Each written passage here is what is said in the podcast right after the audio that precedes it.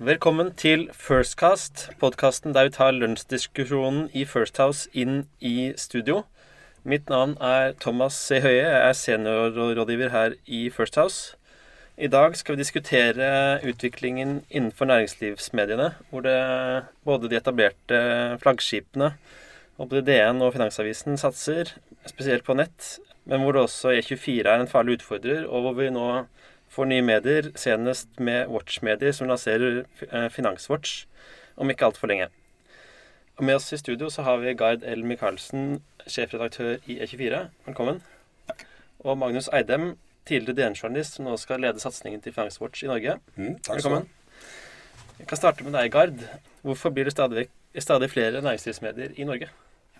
Det er et godt spørsmål. Det kan være litt tilfeldig at det skjer så mye akkurat nå. Eh, Men det kan også være at i en jakt på nye områder og mer tyngde i journalistikken, så ser, eh, ser flere medier mot eh, finansjournalistikken. Vi er jo i en tid der man, hvis du går tilbake fem år, så skulle alle lage journalistikk på buss og på kattevideoer. For det var liksom valutaen. Målet var å få flest mulig sidevisninger ut av minst mulig journalistisk kraft. Nå så går man jo mer i retning av å Man ser at verdien ligger jo i å ha brukere og etter hvert abonnenter. Eh, Nå gjelder for så vidt ikke det alle de nye satsingene, men jeg ser jo at Finanswatch har jo lagt seg på linje der de sier at de skal skrive for nisjen og for abonnenter. Og Da kan jeg gå over til deg, Magnus. Hva, er bakgrunnen for at Watch-medier etablerer seg i det norske markedet? Det er jo fordi man ser at det er rom i norske medielandskapet for eh, da eh, uavhengig journalistikk på nisjer. Eh, det er jo veldig mange nisjemedier som har en eller annen stakeholder, som det heter, som, som um, er et forbund eller en bransjeorganisasjon. Eh, og det man prøver å etablere her da, er en helt uavhengig medieaktør som eh, skal inn og, og dekke nisjen for og om de som jobber der, og de som er opptatt av den bransjen.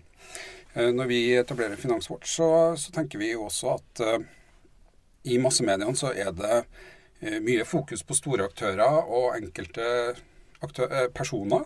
personer. Vi eh, søker jo da å dekke bredden, og ikke minst eh, også geografisk. Og også de små aktørene som ikke får så mye plass i, i de store mediene. Så kan man si at Det er jo plass til flere også. og Ikke minst blir det skapt et rom her i at, at, at man ser at de, altså de store eh, de, altså store næringslivsmediene som Dagens Næringsliv må bredde seg noe inn. Eller er ikke bredde, smale seg noe inn.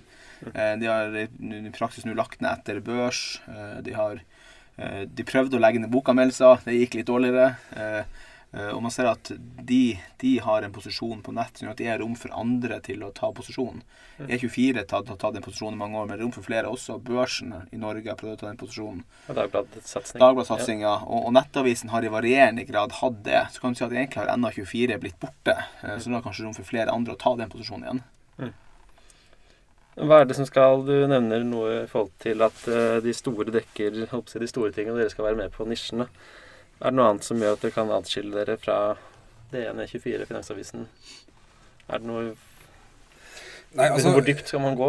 Ja, Rent journalistisk sett så, så er det jo nærhet til bransjen og kildene Mm. eh, som gjør at eh, vi kanskje også kan bore oss litt inn i det som ikke har allmenn interesse, men det har interesse for de som holder på med det. Så vi kan godt kalle det dybde, eller vi kan godt kalle det nisje.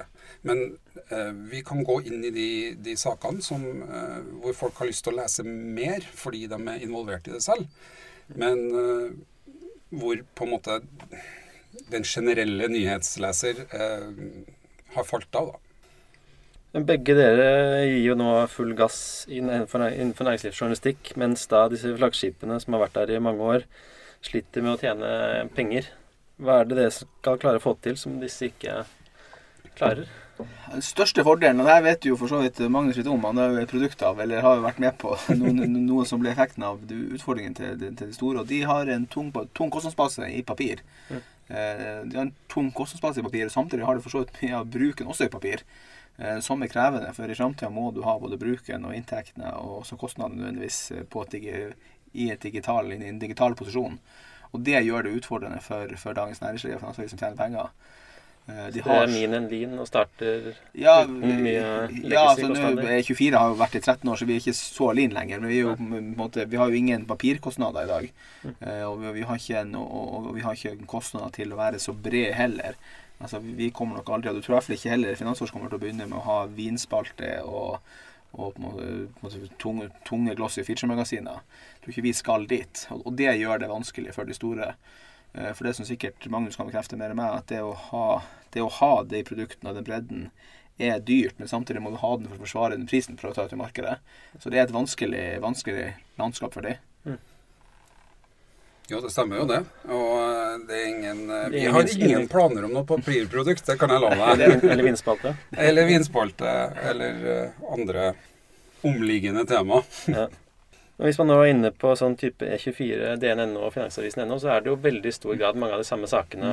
Eh, liksom Norwegian-fall, koronavirus. Eh, hvordan i fremtiden vil man se større forskjeller i og med at man får flere medier, eller vil man se mer likhet? Det håper jeg jo. Altså De som klarer å skille seg ut, er jo de som vil på mange måter vinne også.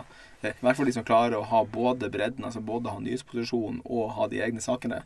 Eh, Det er jo det som er, og det har vi jo sagt ut av, det er jo E24 største ambisjon nå, er jo å klare å levere mer og levere bedre på egensaker, på dagsomsettende journalistikk.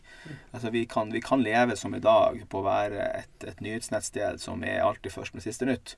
Men da, blir vi, da vil vi aldri bli veldig mye større, og da vil vi heller ikke kunne ta betalt for journalistikken. Uh, som, som du sier, at det, er ikke, det er ikke stor betalingsvilje for for referere børsmeldinger.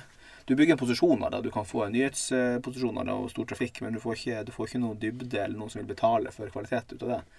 Eh, Så vi har en ambisjon om at vi, vi vil bli på en måte at vi skal fortsatt ha den nyhetsposisjonen og ha breaking news først i altså, Sånn som i dag, så blir nettsidene like. Hvis du ikke hadde vært lik i dag, så gjør du en for dårlig jobb.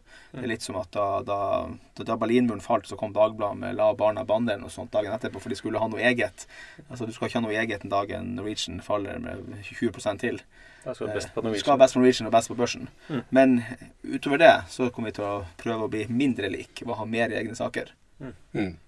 Ja, altså i, forhold til breaking news og fellesnyheter, som det, man kan kalle det, så er jo vi eh, Altså Finanswatch har jo ikke tenkt å dekke børsen som sådan, men vi eh, mange av de selskapene det er naturlig for oss å dekke, blir jo ramma. Så da vil vi ha en tilpassa vei inn i de sakskompleksene da, som nok kan skille seg litt fra massemediene, hvis det, vi kan kalle det det. Du har noen egne briller eller eget filter.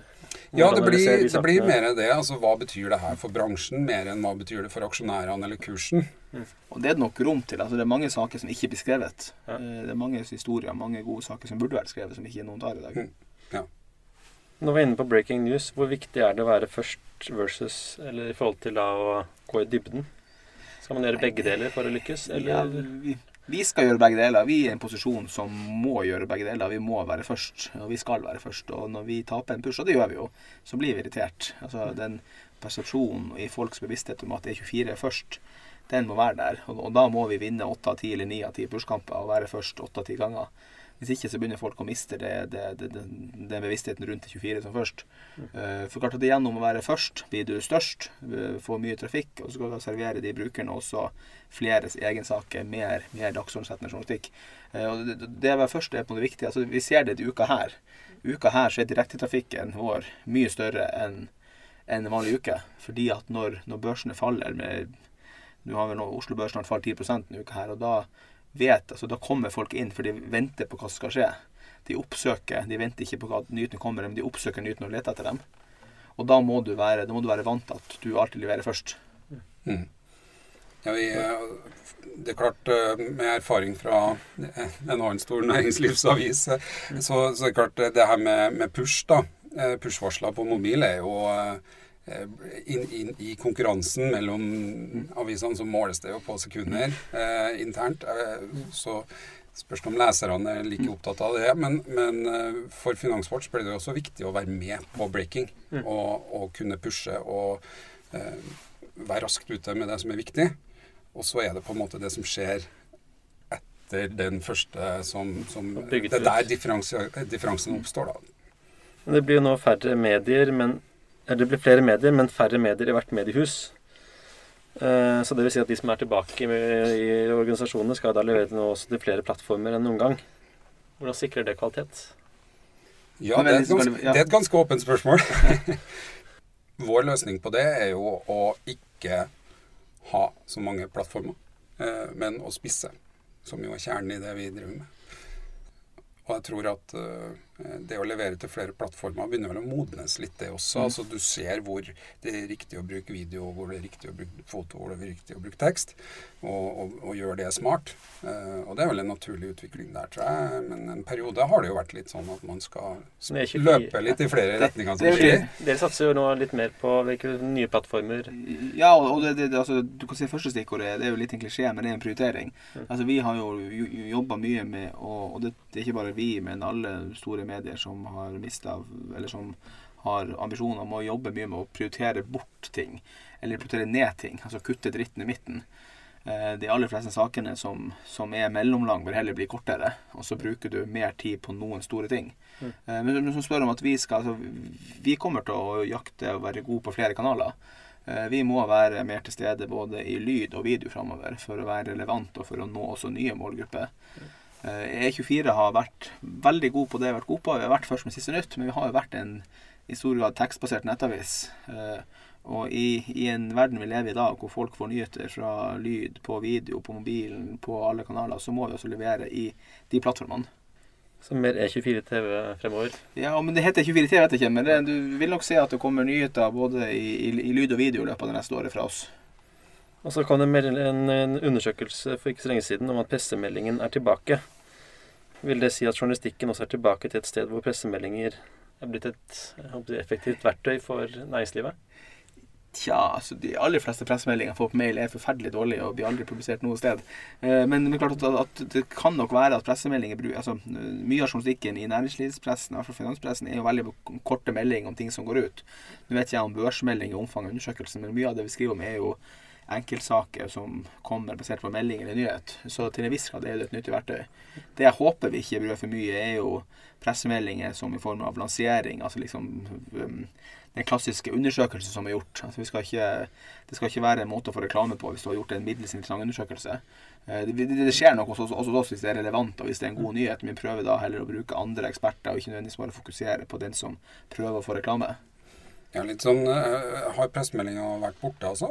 Ja, det er, et godt spørsmål. Om den har vært relevant, det, det er et annet spørsmål igjen. Men, Ja. men eh, jeg tenker, om pressemeldinga er tilbake i større eller mindre grad, vet jeg ikke. Men, men um, jeg har vel i mitt uh, journalistvirke brukt det mer som en uh, Ikke for å vite hva jeg skal jobbe med den dagen, men mer så, som en arkivfunksjon hvor du kan finne relevante kilder og, og støtte til å utvide en sak. Mm. Jeg tror at eh, det pressemeldingen som et eh, slags vesen i denne sammenhengen har mest godt av, er vel en profesjonalisering i, i, fra utsenderne. da.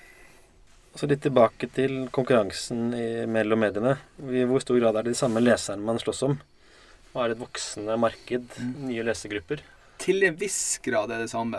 Altså Markedet er stort nok til å ta rom for flere. Jeg, jeg, jeg tror jo denne beskrivelsen som, som kommer her om, om finansår, tror jeg er interessant. På mange måter tror jeg den er, har, en har en sterkere grunn til Eller kan få en sterkere posisjon, i hvert fall, enn den andre nye aktøren som kom i, i fjor. Uh, som for så vidt kan bli stor på trafikk. Men som ikke Dagbladet. Ja, Dagbladet. Ja. Altså, de blir jo fort store på trafikk, men om det bygger posisjon eller noe annet. Mens det Finansvårs de snakker om er å lage innhold som vil bygge en posisjon og ha, og ha, en, måte, ha en eh, viktig funksjon for brukerne. Eh, og, og det viser på tallene våre at veldig mange, altså en del av brukerne er det samme. Eh, og kanskje særlig på direktebrukerne våre er jo korrelerer jo stor eh, mange av de også bruker oss i andre nettavisene. Så har jo også vi et mye bredere publikum. Altså Vi er den eneste av de her som har Eller Dagbladet har jo det også, da, men som sammenligner er oss med vi har VG, og snart også kobler vi på Aftenposten og regionavisene. Mm. Så da får jo vi også veldig mye mer trafikk. Eh, Og det gir jo en unik mulighet til å prøve å Altså E24 vil oppleves som på mange måter flere ting. Altså De som oppsøker oss direkte, fra ett produkt. Noen leser oss via VG og leser de store, aller største sakene. Noen via Aftenposten. Så vi skal jo prøve å være både et nisjeprodukt og være et breddeprodukt samtidig. Som er egentlig en umulig oppgave, men vi Gjør et forsøk. det er derfor du skal ha 30 Ja, nye ja, det, er- journalister. ja, det, er jo de som gjør at vi kan altså, Eh, E24 kunne ha fortsatt å vokst, kanskje med altså vi kunne liksom, Hvis vi skulle vokst organisk med lønnsomhet, så kunne vi ansatt et par til i året, liksom, men da går det ganske sakte. Eh, eh, Hvis du kan vokse og ta et ordentlig jafs, og tiden du skal virkelig satse, så kan du eh, måte komme satsinga først, og så prøve å bygge lønnsomheten etterpå. Jeg vil anta at det Finansfort skal gjøre, heller ikke altså Det er jo ikke noe billig journalistikk dere skal lage. Så jeg håper ikke du har lønnsomhetskrav første året. Ikke det første Nei, det- det, det er det, er riktig. Men eh, jeg har ikke noe imot å oppnå det heller, da. Nei, det er klart, det skjønner jeg, men vi vil jo helst bli lønnsomt etter hvert. Ja da. Nei, vi, eh, vi har en, eh, en ganske langsiktig, moderat eh, lønnsomhetsstrategi. Og det har jo 24 også. altså Schibsted er jo ikke filantroper. I motsetning til en av våre konkurrenter, så kan ikke vi gå med underskudd konsekvent. konsekvent. Hvilke inntekter er viktigst, eller kommer til å være viktigst i fremtiden? Er det brukerbetaling eller annonsekroner? For oss så baserer vi oss i svært stor grad på brukerbetaling. Og eh, vi skal jo ha banner og vi skal ha stillingsannonser, men vi, vi, vi er ikke avhengig av dem. Eh, og det er jo mye av, av kjernen i forretningsmodellen her, at eh, annonsemarkedet er det som gjør at eh, i stor grad at, at det slites med, med lønnsomhet i Medie-Norge. Eh, brukerbetaling er, er bedre å satse på, og helt riktig for oss, da. Eh, Så, så skal vi Så det blir vår jobb å være relevant da og forsvare at de betaler oss de pengene. Før 2018 så var jeg 24, 100, på- jeg 24 NO 100 annonsedrevet. Mm. Eh, og annonse- våre er jo såpass store fordi vi er store eh, digitalt. Og vi tror nok at med, med den veksten vi kommer til å få, så vil det også kunne øke annonsedekkene noe. Men det er jo et volatilt marked. Eh, så, så det korte svaret på spørsmålet er at brukerinntektene blir veldig mye viktigere framover. Og det kan godt være at eh, om en håndfull år, eller det, det er vanskelig å vite, om noen år, så vil brukerinntektene gå, være over 50% av våre inntekter. Mm. Hvis ikke vi klarer det, så tror jeg ikke vi kommer til å lykkes med å få lønnsomhet i det her. eh, Fordi at annonseinntektene kommer ikke til å vokse så mye som vi må for å bygge lønnsomhet i det. Det er ikke utenkelig at media vil følge noe av utviklinga som har skjedd på andre digitale eh, typer for media. Altså, alle snakker om denne Spotify-modellen. ikke sant? Du betaler en pris, og du konsumerer. Og eh, reklamemodellen måtte jo dem også stoppe med, og Ja. ligne andre tjenester. Da. Eh, og jeg tror det også at det å på en måte velge hva man betaler for, blir ganske viktig for, for mediekonsumentene òg. Og der Børsnyheter har vært nevnt tidligere at aksjenyheter blir, de er gratis. Og hva er det som man da skal betale for? Er det liksom analyse, kommentar, gravejournalistikk? Ja, 24 pluss har jo nå vært bygga mye på analyse, kommentarer, innsikt. Eh, og, og, og på en måte, du kan si den typiske leseren der har vært folk som ønsker å bli rik på aksjemarkedet. Eh, som ønsker å følge med i på børsen. Eh, og ikke bare hensyn til nyheter, men hensyn til det å investere. Eh, og jeg tror også de må utvide det også til å levere på egensaker, på nyheter, på mer analyse. Også for ikke bare typisk investoren, også for de som ønsker å være interessert i økonomi og internasjonal økonomi. Eh, Det handler litt om at vi, må breie oss ut og ikke bare være et nisjeprodukt for den, både småinvestoren, eh, men også for folk i næringslivet. Og det handler også igjen om å Der man i en papiravis så har du abonnert på et produkt. Du abonnerer på en helhet. Og det må vi prøve å gjenskape digitalt. At du abonnerer på E24. Du kommer ikke inn fordi du vil lese den saken. Du abonnerer fordi du vil ha hele produktet. Ja, der gjør jo vi eh, Ja. på en måte Der er vi veldig spissa. Vi, vi gir oss denne prisen, og vi skal gi Ja. deg det her innholdet. Ja. Og eh, det er klart at eh, i forhold til dybde og analyse og, og kommentarer osv., der eh, blir jo vår rolle å, å, og ta de eh, gjøre de analysene og snakke med de ekspertene som på en måte belyser det for de som er involvert, og ikke for de som står utenfor den bransjen det er snakk om.